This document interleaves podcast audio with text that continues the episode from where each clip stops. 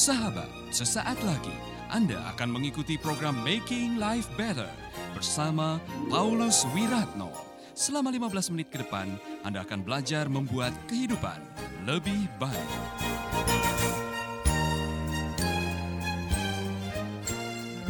Saya hari ini mau mengajarkan kepada saudara-saudara, saya merenung setelah nonton pertandingan tinju saudara di uh, TV One. Ada pertandingan tinju yang luar biasa, saya lihat, saya lupa namanya, tapi saya melihat akhirnya di dalam tinju itu pasti ada yang jadi juara. Ya apa kelas berat, kelas ringan atau apa pun namanya. Nah yang menjadi juara, dia bisa jadi juara karena ada lawannya. Demikian juga pemain bulu tangkis Indonesia yang mendapatkan medali emas. Dia bisa mendapatkan medali emas oleh karena ada lawannya.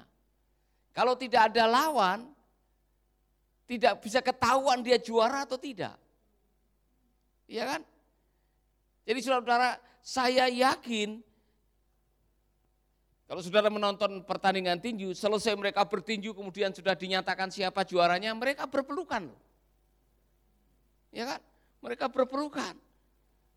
Saya tidak tahu apa yang ada di benak pemain tinju dalam perpelukan. Saya yakin bahwa, hei walaupun baru saja kita pukul-pukulan, setelah dinyatakan saya pemenangnya, kamu menolong saya untuk menjadi pemenang. Jelas ya? Jadi saya baru paham kenapa ada ayat yang bunyinya seperti ini. Matius pasal 5 ayat 43 sampai 45. Matius pasal 5 ayat 43 sampai 45. Kamu telah mendengar firman, kasihilah sesamamu manusia dan bencilah musuhmu. Tetapi aku berkata kepadamu, kasihilah musuhmu. Dan berdoalah bagi mereka yang menganiaya kamu. Karena dengan demikian kamu menjadi anak-anak Bapamu yang di surga. Yang menerbitkan matahari bagi orang yang jahat dan orang yang baik. Dan menurunkan hujan bagi orang yang benar dan orang yang tidak benar. Dengar baik-baik. Karena dengan demikian, karena dengan demikian, demikian apa? Permusuhan. Demikian apa? Dizolimi. Demikian apa? Difitnah. Demikian apa? Mungkin saudara digosipkan atau direndahkan. Kalau kita tetap mengasihi mereka. Saudara-saudara, kamu menjadi anak-anak Bapamu yang di surga.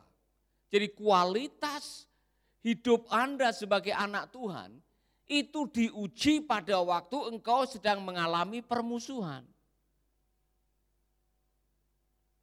Amin. Coba renungkan baik-baik. Mengapa kita diperintahkan oleh Tuhan, kasihilah musuhmu karena ternyata, eh, ternyata permusuhan itu adalah bagian daripada perjalanan hidup kita untuk menjadi anak Tuhan.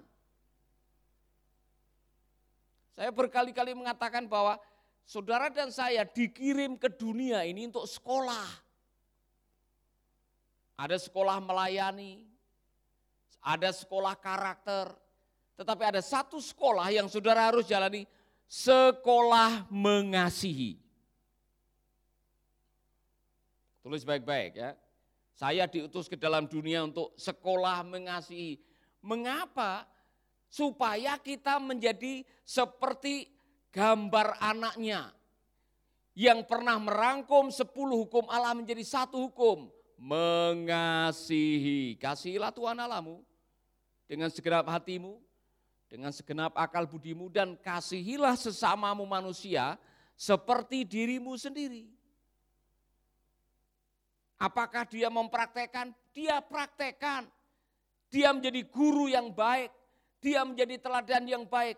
Di mana buktinya? Selama hidupnya, waktu dia dizolimi, waktu dia dihina, waktu dia dianiaya, waktu dia bahkan membawa salib menuju ke Golgota lewat Via Dolorosa mengalami begitu banyak derita. Dia tidak mengucapkan apa-apa, kecuali di kayu salib dia mengucapkan, ya Bapak ampunilah mereka karena mereka tidak tahu apa yang mereka perbuat. Apakah itu secara tidak sengaja Yesus mempraktekkan gaya hidup seperti itu? Tidak, saudara-saudara. Yesus memilih jalan kasih supaya kita yang mengaku dirinya sebagai anak-anak Allah yang dikirim ke dalam dunia untuk sekolah mengasihi, belajar dari guru agung kita, Tuhan Yesus. Amin. Nah mari kita akan belajar Mengapa kita diminta oleh firman Tuhan, kasihilah musuhmu. Tujuan utamanya adalah pembentukan karaktermu sehingga engkau menjadi seperti anaknya yang tunggal. Karena ternyata kita semua nanti akan bersama-sama dengan dia di surga. Dan kalau saudara bisa mulai dari sekarang memperhitungkan suasana surga seperti apa. Allah itu kasih. Allah itu kasih. Jadi kalau kita nanti bersama-sama dengan Allah di sana, kita masuk dalam sebuah suasana atmosfer yang sama, atmosfer kasih. Itulah sebabnya kalau Anda tidak biasa mengasihi di dunia ini, saudara mungkin akan kesulitan berada di sana selama-lamanya. Nah saya menemukan beberapa hal, ternyata memang di dalam rencana Tuhan, mengasihi itu punya kekuatan yang luar biasa. Saya mau uh, mengajak saudara menemukan tiga hal yang apa yang terjadi pada waktu Anda mengasihi musuh.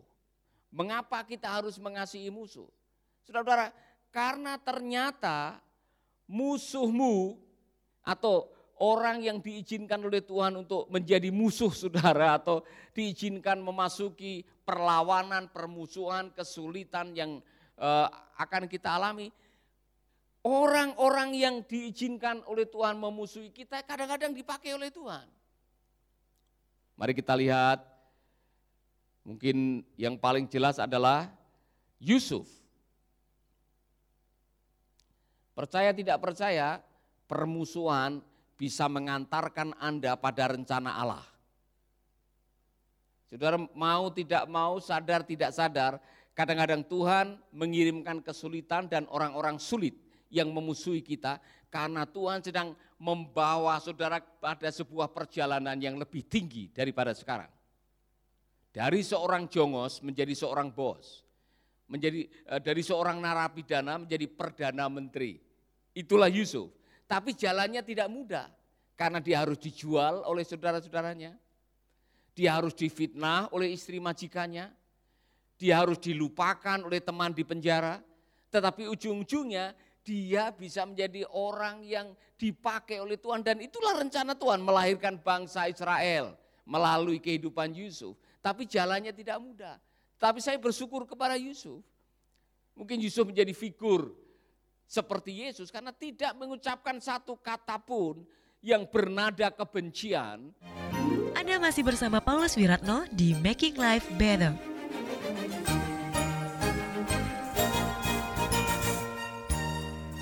Dalam hidupnya. Saudara temukan kalau ada satu kata kebencian dan keinginan untuk balas dendam dari kata-kata Yusuf di dalam uh, kitab kejadian, hampir tidak ada.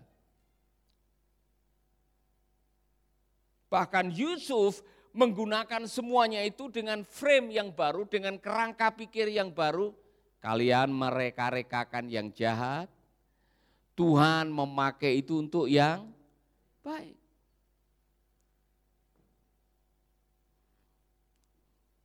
Bisa enggak saudara mengucapkan hal yang sama seperti Yusuf? Ketemu dengan orang-orang yang pernah bikin susah hidup saudara, mungkin pernah menipu saudara, pernah uh, membenci saudara, pernah menggosipkan saudara, pernah mengadu domba saudara. Dan setelah saudara mengalami semuanya itu, saudara ternyata sekarang ada di dalam posisi di mana Tuhan memang mau saudara di situ, tapi jalannya tidak mudah. Dan sekarang saudara menengok mereka dan mengatakan, Kalian mereka-rekakan yang jahat buat saya. Tapi Tuhan menggunakan itu kebaikan. Kamu mengeluarkan surat pemecatan buat saya kan? Tapi ternyata itu adalah untuk kebaikan. Kamu pernah mengusir saya, tapi itu dipakai oleh Tuhan untuk mengantarkan saya ke tempat yang lebih tinggi. Oh kamu pernah memperlakukan saya dengan tidak adil. Tapi ternyata semua itu adalah bagian daripada proses kehidupan yang saya harus jalani. Terima kasih musuhku. Jadi saya baru sadar mengapa Yesus mengatakan kasihilah sesamamu manusia dan kasihilah musuhmu. Karena musuh bisa jadi lawan, musuh jadi kawan, kawan bisa jadi lawan. Eh, kawan bisa jadi lawan, lawan bisa jadi kawan, tergantung waktunya, saudara. Dan dua-duanya dipakai oleh Tuhan untuk mengantarkan kita pada rencananya. Jadi senyumi musuh-musuh saudara dan bilang terima kasih musuhku. Bisa? Kirim WA kepada mereka, Terima kasih musuhku, engkau telah mengantarku pada rencana Allah yang lebih tinggi, lebih mulia daripada yang dulu. Amin.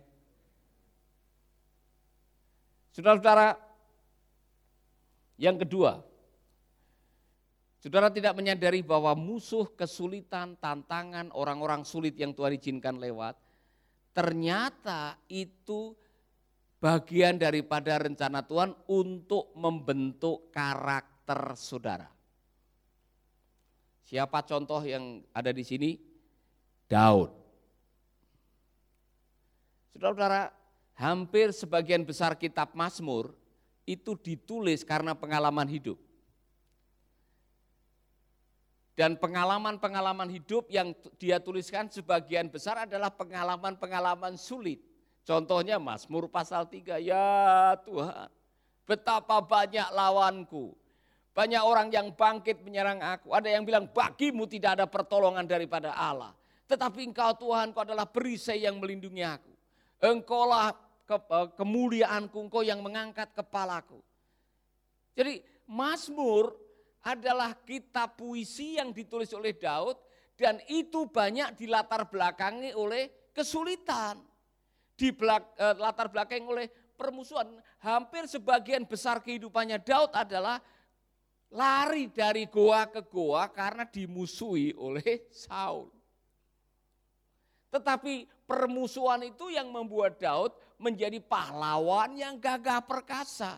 Sehingga Daud punya kemampuan untuk melatih orang stres, orang sakit hati, orang yang galau yang bersama dengan dia diubah menjadi pahlawan yang gagah perkasa. Dan berkat permusuhan itu kita punya kitab Mazmur. Saudara-saudara, terkadang Tuhan mengizinkan musuh saudara atau orang-orang memusuhi, menzolimi saudara karena Tuhan sangat punya kepentingan untuk membentuk karakter Anda. Dan karakter itu diketahui pada waktu Anda mengalami kesulitan. Problem ada yang mengatakan problem reveals your character. Crisis reveal your character. Mau tahu karakter saudara aslinya? Kapan? Waktu menghadapi kesulitan. Waktu dimisuhi orang. Waktu Anda difitnah. Waktu Anda mengalami tantangan. Waktu Anda mengalami pergumulan. Aslinya kayak apa? Ketahuan sekali. Ya kan? Nah, saya mau kasih tahu bedanya ini saudara. Saya selalu pakai ilustrasi itu. Kalau saudara melihat di dompet saudara masih ada tebal uang warna merah, kemudian saudara tenang, maka reaksi saudara adalah berdasarkan apa yang Anda lihat. Ya kan? Kalau di meja makan masih ada nasi, ikan goreng sama sambal, sayur, saudara melangkah ke meja makan dengan semangat. Haleluya, Tuhan baik. Respon saudara kepada kenyataan didasarkan atas apa yang Anda lihat. Ya kan? Hidup saudara disetir oleh apa yang dilihat dan apa yang dirasa. Waspadalah. Kalau saudara melihat di WA ada tulisan yang menjelekkan saudara, kemudian saudara marah, saudara banting HP misalkan. Saudara adalah orang yang sangat reaktif. Melihat air mulai masuk dalam perahu, Melihat badai mulai meniup dengan kencang, mereka berteriak, "Guru!" Mereka tidak lihat ada gurunya sedang tidur. Dan gurunya adalah yang menciptakan badai, yang menciptakan laut, yang menciptakan kehidupan ini. Kenapa Tuhan Yesus tidur? Badainya sama, ancamannya sama, perahunya sama, anginnya sama. Kenapa Yesus tidur? Dia meresponi dengan kebenaran. Kebenaran yang mana? Kebenaran bahwa dia yang menciptakan dunia ini. Dia yang menciptakan alam, dia berkuasa di atas hukum alam. Amin. Sahabat, Anda baru saja mendengarkan Making Life Better bersama Paulus Wiratno. Jika Anda diberkati, kirimkan kesaksian Anda ke Radio Dian Mandiri, Jalan Intan LC2, Gang 4, Nomor 1, Denpasar, Bali. Kunjungi website kami di pauluswiratno.com, Facebook Paulus Wiratno. Hubungi kami di 0811 3901 144 dan 0811 3901 140. Sekali lagi 0811 3901 144 dan 0811 3901 140. Anda juga bisa mendengarkan program Making Life Better ini melalui handphone Anda. Download aplikasinya di Play Store atau App Store. Sahabat, Mari dukung program Making Life Better ini melalui rekening BCA 6690300525. Sekali lagi, rekening BCA 6690300525 atas nama Wiratno. Terima kasih, Tuhan Yesus memberkati.